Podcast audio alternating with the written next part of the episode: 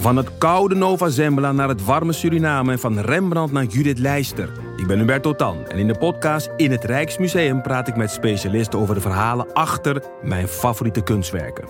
Nieuwsgierig? Beluister nu de nieuwe afleveringen. Mijn naam is Botte Jellema. Jouw naam is Ipe Driessen. Wij zijn van de Eeuw van de Amateur. De Eeuw van de Amateur is een podcast die gaat over... Alles. Het is een eh, podcast over levenskwesties die je niet kunt googlen. Een soort licht neurotische blik op het leven. Het is een podcast met humor. Jezus. Kijk, een grapje. Die, die vragen durft te stellen en die je ook onbeantwoord durft te laten. Mooi. met een regenboogvlagje. Dat, dat noem je queer, botten. Dat an- regenboogvlag, dat klinkt echt als een soort... Eh, ik bedoel, iedereen is welkom. Kom ons luisteren in je favoriete podcast-app.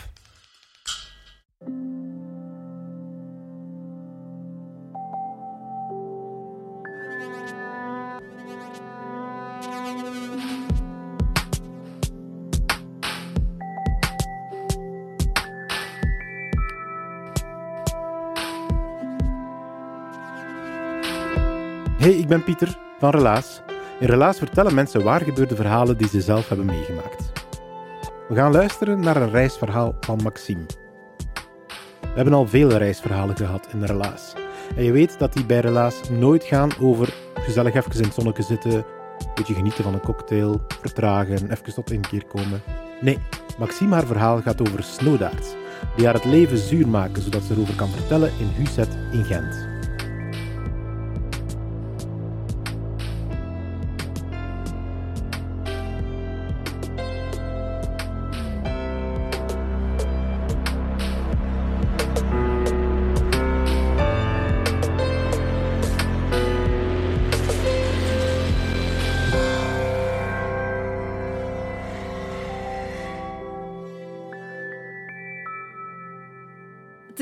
S'nachts en ik sta op straat en naast mij ligt mijn vriend te slapen. Zomaar op het voetpad, zomaar op straat. Ergens klinkt dat een beetje als een standaard avondje overpoort uit onze studententijd, maar ik sta op dat moment in Guatemala. En ik ben bang. Ik ben ongelooflijk bang, want ik denk, nu is het het moment dat ik ga overvallen worden. Nu is het moment waarop alles misgaat. Op dat moment ben ik 18 jaar, heel jong, piepjong, net van de middelbare school. En ik ben naar Guatemala vertrokken om Spaans te studeren, om daar te wonen, om daar te werken. Ik ben daar inmiddels zeven maanden en ik heb een Guatemalteeks lief. En momenteel gaat het niet zo goed met dat Guatemalteeks lief. En die ligt naast mij op straat te slapen, redelijk beschonken, redelijk zat, net als op die avondjes in de Overpoort. En het gaat niet zo goed. En eh, op dat moment, het enige wat ik probeer is, Carlos moet wakker worden. Dus ik probeer Carlos wakker te krijgen. Ik schud aan hem, ik trek aan hem, ik sla hem in zijn gezicht. Niets, niets. Carlos is met geen stokken wakker te krijgen. En het enige wat ik denk is, nu op dit moment komt er hier iemand naar ons toe en die overvalt ons, of er gaat ons iets overkomen, maar dit gaat fout. Dit kan op geen enkele manier goed aflopen.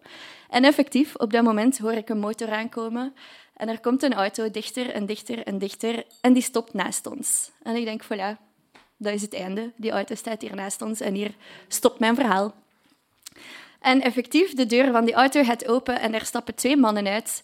En die zeggen, señorita, heb je hulp nodig? Dus ik denk, oké, hulp is goed. Hulp, positief, die mensen gaan mij helpen. Eh, die kijken naar mij, die kijken naar mijn lief dat daar op de grond ligt. En die zeggen, dat is oké, dat is een vriend van ons, dat is een Carlos. Nu, eerlijk gezegd, de helft van Guatemala heet Carlos. Dus dat was een goede gok. Eh, ik schud nog een keer aan Carlos. Carlos, Carlos, is dat je vriend? En Carlos zegt, zie, zie, zie, zie, en valt terug in slaap. En dus die twee mannen zeggen, wij brengen jullie naar huis, geen probleem, wij gaan jou helpen. Ze pakken Carlos van de grond, zetten Carlos samen met mij van achter in de auto en rijden perfect naar ons appartement. Net buiten de stad. Wij wonen op dat moment echt eh, naast het bordje Welkom in Antigua, op het randje van de stad Antigua in Guatemala. En die brengen ons daar naartoe, stoppen voor de deur. En op dat moment denk ik, oké, Carlos ligt nog steeds in diepe slaap. Ik kan hem dat appartementsgebouw totaal niet binnenkrijgen. Dus ik vraag zelf, ik probeer eerst, ik loop naar de deur van het appartementsgebouw en ik denk, oké, gelukkig wonen wij in een, in een beveiligd complex. Eh, die bewaker kan mij helpen. Dus ik klop op de deur en ook die bewaker ligt in diepe slaap. Niet wakker te krijgen. Misschien lag het toch niet aan de alcohol, was dat iets vandaar dat die mensen gewoon slapen en weg zijn. Maar die bewaker ook niet wakker te krijgen. Dus ik terug naar die auto En ik vraag aan die twee mannen, kunnen jullie mij alsjeblieft helpen Carlos naar boven te krijgen? Oké, geen probleem. Die twee mannen naar binnen.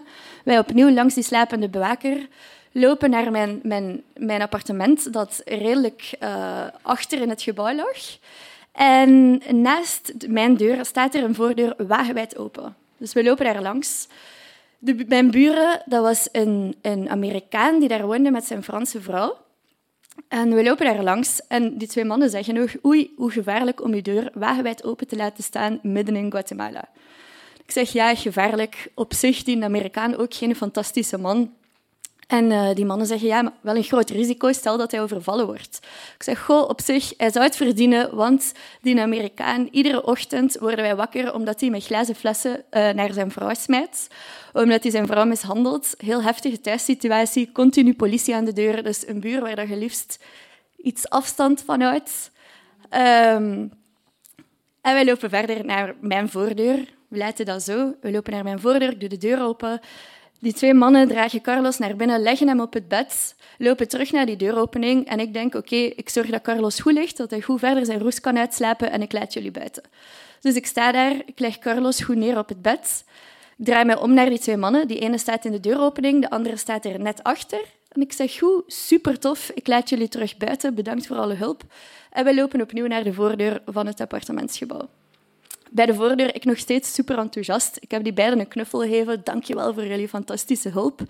Uh, op dat moment geeft die ene man mij zelfs een fles fruitsap in mijn handen. Dus ik denk, oké, tof. Ik krijg er nog een fles fruitsap bij ook. Bedankt. Um, ik zeg salut en ik loop terug naar het appartementsgebouw met mijn sleutels in de hand. Dezelfde sleutels waar ik net mee binnen ben gegaan.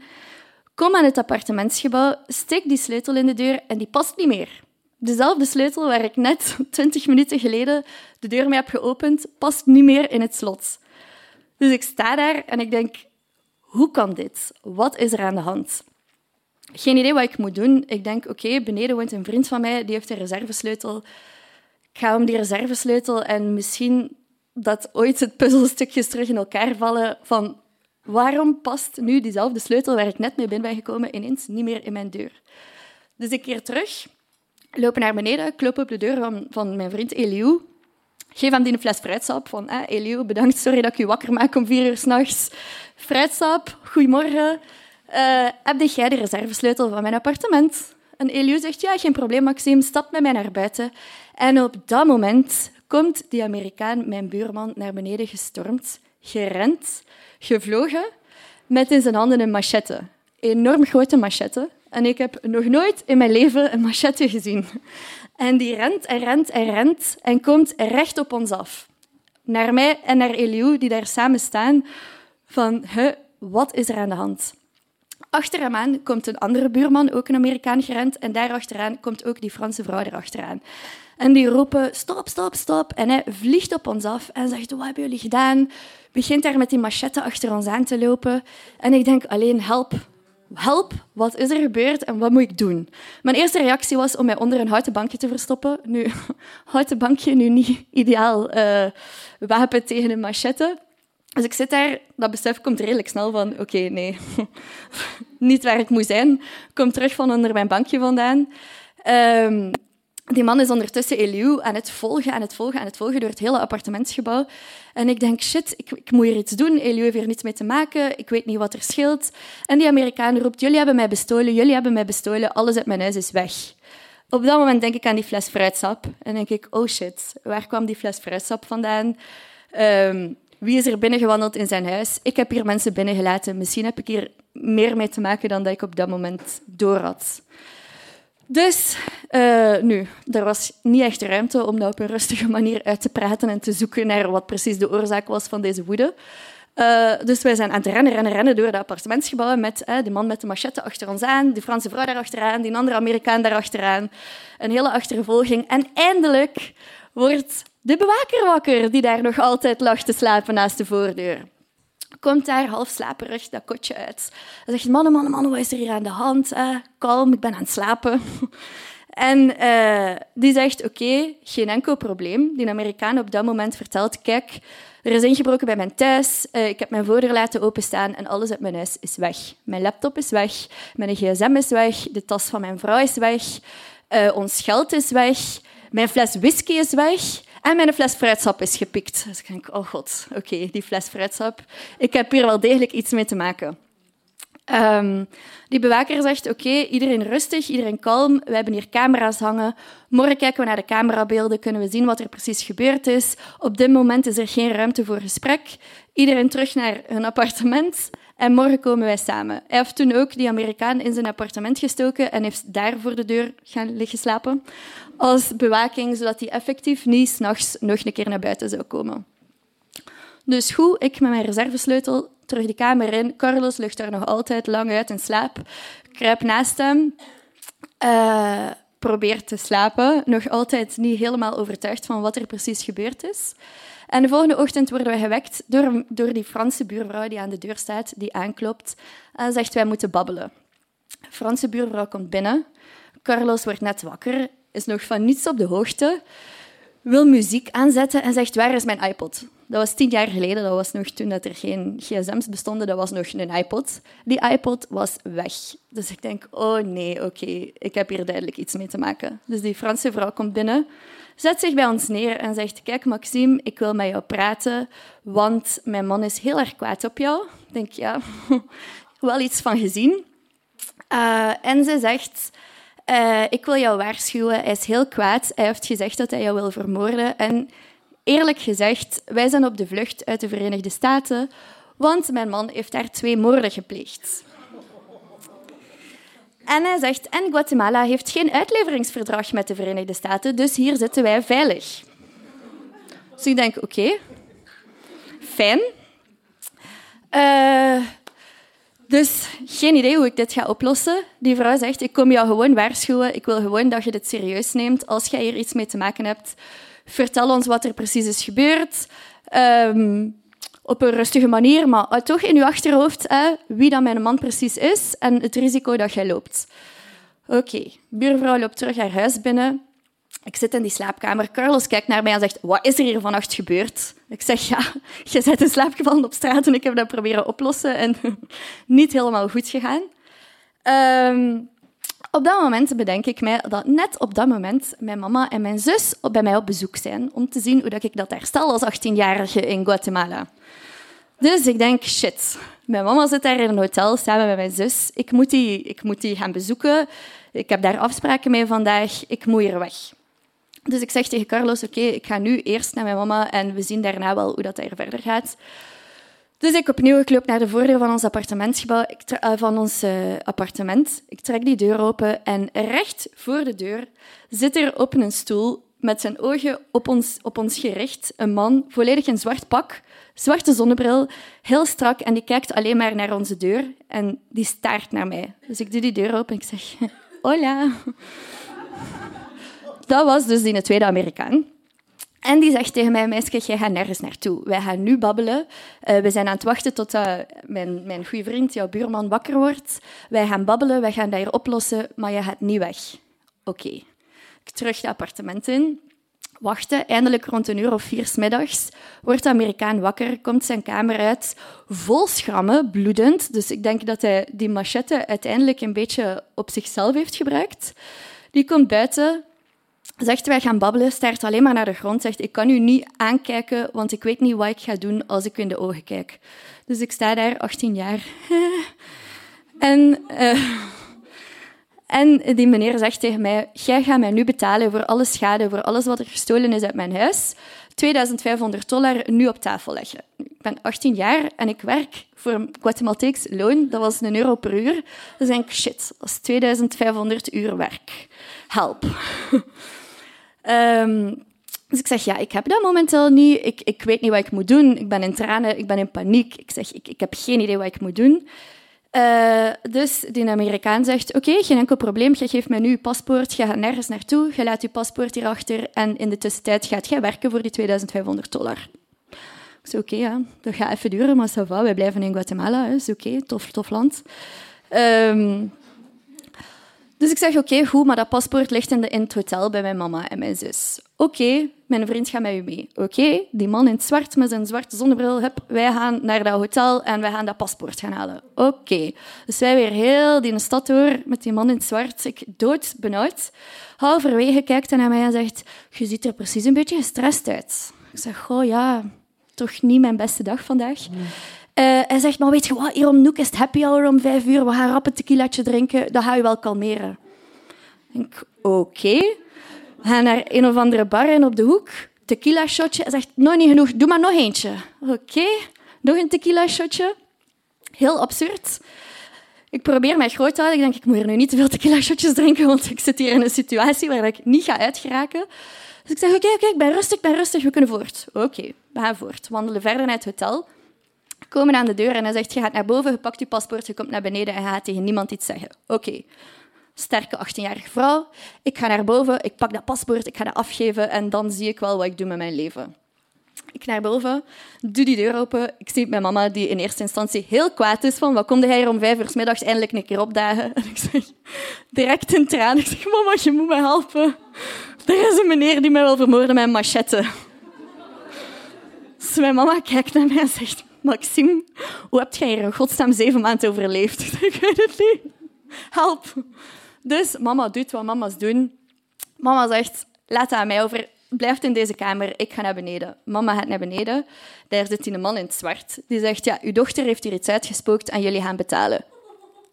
Op dat moment uh, zei mijn mama, ja, het enige wat ik kon doen was tijd winnen. Dus ik heb hup, met die meneer naar een internetcafé.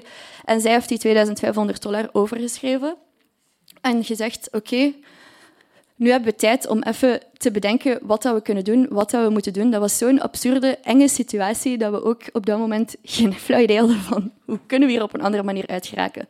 Dat geld is overgeschreven. Ik heb toen naar Carlos gebeld. Carlos zei, ja, jij stapt hier geen voet meer binnen in het appartementsgebouw. Die man in het zwart was daar ook heel duidelijk van. Die zei ook, jullie staan op dit moment onder huisarrest. Uh, wij hebben hier overal mannetjes. Jullie hotel wordt in de gaten gehouden. Jij zet geen voet meer buiten in deze stad. In deze stad. Dus oké, ik zit vast in dat hotel. Carlos gaat mijn spullen gaan ophalen in, het, uh, in, ons, in ons appartement, in ons huis. En op het moment dat hij in dat huis zit, hoort hij de buren eigenlijk praten over mij. Die komt in volle paniek met al mijn spullen en zegt: Het is niet oké, het is echt niet oké. Die gaan jou komen opzoeken. Je moet nu weg. Nu. Je blijft hier geen seconde langer meer in Guatemala. Nu vertrekken. Uh, ze zijn aan het plannen om hier of vannacht of morgen vroeg met gewapende mannen naar het hotel te komen. En dit is het einde. Ik denk, oh shit, oké, weg. Dus wij last minute een shuttle geboekt naar de hoofdstad, naar Guatemala-stad, met mijn mama en mijn zus op de vlucht uit Guatemala, want ik heb hier een meneer achter mij zitten met een machette. Dus wij weg. Um, opnieuw word ik gebeld door Carlos en Carlos zegt, Maxime, dit is helemaal fout. Cancel die een overschrijving, die man verdient dat niet. Uh, dat is een moordenaar, hij mishandelt zijn vrouw. Hij had maar niet zo stom moeten zijn om zijn voordeur wijd open te laten staan midden in Guatemala. Niet oké, cancel die overschrijving. Oké. Dus mijn mama stuurt een mail naar onze bank. Kijk, we hebben dat geld overgemaakt onder fysieke bedreiging. Ehm, en we willen dat dat stopt. Dat was op dat moment ook weekend, dus dat speelde wat in ons voordeel. Dat geld was nog niet overgemaakt. Dus oké, bank zegt, geen enkel probleem, we cancelen die overschrijving. Maar wat doet onze bank, ING, topbank, stuurt... Uh, nee, wel echt een goede bank. Stuurt stuurt onze mail volledig door naar de Amerikaan. Recht met ons adres, met ons e-mailadres, met waarin er staat eh, onder fysieke bedreiging, hupsakee, volle bak doorgestuurd naar die Amerikaan. Dus op dat moment hebben wij ook het hotel ingelegd van pas op, er is een kleine kans dat als wij hier vertrekken, dat er hier gewapende mannen aan de deur gaan staan. Dus die mensen van het hotel denken ook, hallo, wie zijn deze gringas en wat hebben die hier uitgestoken? Effectief, de volgende dag kregen wij bericht van het hotel dat er een gewapende groep is gekomen, dat die ons hebben staan opwachten aan het hotel, dat zij alle deuren hebben moeten dichthouden. Um, en bovendien heeft meneer de Amerikaan ons e-mailadres. Dus beginnen wij dreigmails te krijgen. Dreigmails en dreigmails en dreigmails. Ik weet wie jij bent, ik weet waar je woont. Je kunt vluchten naar de andere kant van de wereld, maar ik ga jou vinden, ik ga jou te pakken krijgen. Jij zet niet van mij af. Dus op dat moment zijn wij naar Costa Rica vertrokken. We hebben nog twee, twee weken in Costa Rica gezeten. Het enige waar ik aan kon denken was, oké, op welk moment gaat hij ineens achter mij staan? Op welk moment gaat hij mij ineens vinden? Na twee weken zijn we terug naar België gevlogen. Uh, die dreigmails bleven binnenkomen. En zelfs terug in België, op gelijk welk moment dat ik alleen buiten was, dacht ik, oké, op ieder moment kan die ineens naast mij staan, achter mij staan, met die gigantische machette die nog altijd in mijn herinnering zat. En is het gedaan met mij. Um, dus dat was een heel enge periode, ook heel die periode van terug in België komen en dan tof, ik zie mijn vrienden terug en toch iedere keer die angst van op welk moment staat er hier plots een gekke Amerikaan achter mij met een machette. Um, en op de een of andere manier heeft dat toch niet uh, mijn liefde voor Zuid-Amerika gestopt. Ik denk ook, wat ik heb meegemaakt was een Amerikaan. En ik denk, de hele tijd heb je zo dat beeld van, ik ga naar Latijns-Amerika en er gaat mij daar iets kunnen gebeuren. Maar er is mij niets gebeurd met de Latijns-Amerikanen. Er is mij iets gebeurd met een Noord-Amerikaan. Dus op dat moment was ik gewoon zodanig bang van hem, maar nooit bang van Latijns-Amerika. Dus dat is tien jaar geleden gebeurd. De laatste tien jaar uh, heb ik voornamelijk nog altijd in Latijns-Amerika gewoond. Niet in Guatemala. Ik ben echt Zuid-Amerika vertrokken. Iets veiliger, iets beter verlopen. Maar nu uh, heb ik een job aangeboden gekregen in Guatemala. En ik vertrek volgende week terug naar Guatemala. Vandaar dat het verhaal nu ook terug een rol aan het innemen is in mijn leven. En dat ik terug begin te denken van wat is er daar tien jaar geleden gebeurd? Het is inmiddels tien jaar later. Um, tien jaar later keer ik terug naar Guatemala. Ga ik daar werken? Ga ik dat opnieuw proberen? Ga ik dat proberen iets beter aan te pakken? Uh, maar toch moest ik op een of andere manier niet terugkeren of van de radar verdwijnen. Zoek naar een Amerikaan die Brian Brandon heet. Dankjewel.